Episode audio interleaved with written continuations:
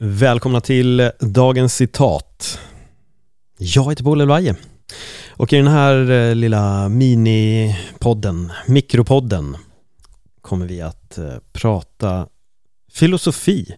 Jag kommer dela med mig av ett citat varje vardag. Och det här är nu officiellt avsnitt 26. Så att eh, jag vill börja med att tacka dig som har lyssnat på den här podden så här långt. Till dig som har varje dag tunat in och eh, tagit dig an mina reflektioner runt de här eh, citaten.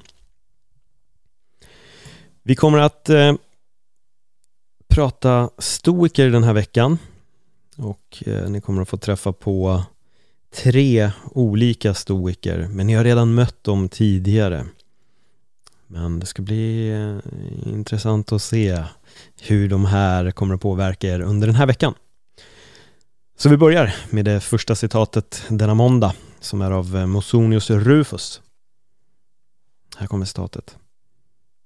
Av goda människor kommer du att lära dig gott. Men om du blandar dig med de dåliga kommer du att förstöra en sådan själ som du hade. Vad tänker du när du hör de här orden? Av goda människor kommer du att lära dig gott.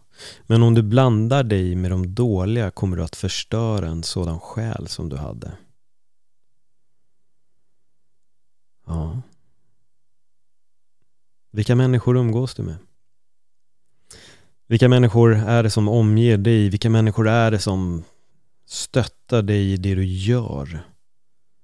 Vilka är de människorna som uppmuntrar dig till att ta dig an utmaningar eller att inte ta dig an dem?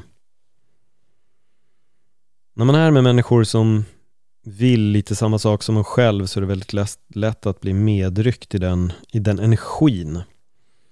Och det är lätt att bli peppad av andra människor som vill precis det man vill men precis på samma sätt om man börjar umgås med människor som har en negativ inställning till saker eller kanske vill åt ett annat håll eller du kanske umgås i en grupp där du kanske inte riktigt tycker och tänker som de som du är med och du kanske inte vill på just de lite destruktiva äventyren som de kan vara på. Då kanske det är bra att försöka bryta sig därifrån. Så att de inte förstör en sådan själ som du hade. Jag tror ibland kan det vara ganska otäckt för jag vet väldigt många gånger i mitt liv och även, även jag själv har varit där där jag umgicks med en, med en krets folk som just i den tiden i livet kanske inte var på väg på den bästa vägen i livet. Um, och jag insåg att jag måste bryta mig loss. Jag behöver på ett sätt bryta de här kontakterna som jag har. Jag behöver bryta de här relationerna för jag känner inte att jag är på en bra väg. Jag ville mycket mer. Jag ville mycket annat. Nu var det inte som att det här var destruktivt så, men umgänget var inte helt optimalt för vad jag ville.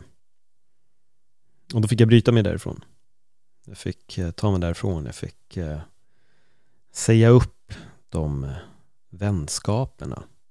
Och i stunden så kan man ju tycka att ah, men det här är mina vänner och, och eh, det, det, är klart att jag måste ha mina vänner omkring mig och hela den lite knäppa logiken som man kan ha men samtidigt om de här människorna inte gör en gott på något sätt så måste man ta sig därifrån. Och det är väldigt lätt att fastna där just för att man kanske tycker att det är otäckt att eh, bryta upp med dem som man anser vara sina vänner. Sen när åren har gått så inser man att jo, det är klart att vi var ju vänner, men vi var vänner där och då. Sen gick vi skilda vägar i livet och hade jag stannat kvar kanske jag hade hamnat där de hamnade. Och vissa stannar ju kvar och hamnar där och 10-15 år senare tänker att ah, varför bröt jag inte bara det här?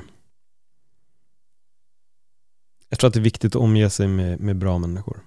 Att omge sig med människor som behöver nödvändigtvis inte dela ens värderingar till 100% man kan absolut vara vän med folk som har skiljande åsikter men så länge de vill en gott och är på en bra resa genom livet så tycker jag absolut att man ska omge sig med den typen av människor. Men när det går åt ett destruktivt eller ett dåligt håll så är det bara att bryta sig därifrån. För att i slutändan så handlar det om en själv. Det handlar om vad man själv vill vara, vad man själv vill befinna sig. Jag tror det är det viktigaste som man kan vara på den goda resan. För kom ihåg, av goda människor kommer du lära dig gott, men om du blandar dig med de dåliga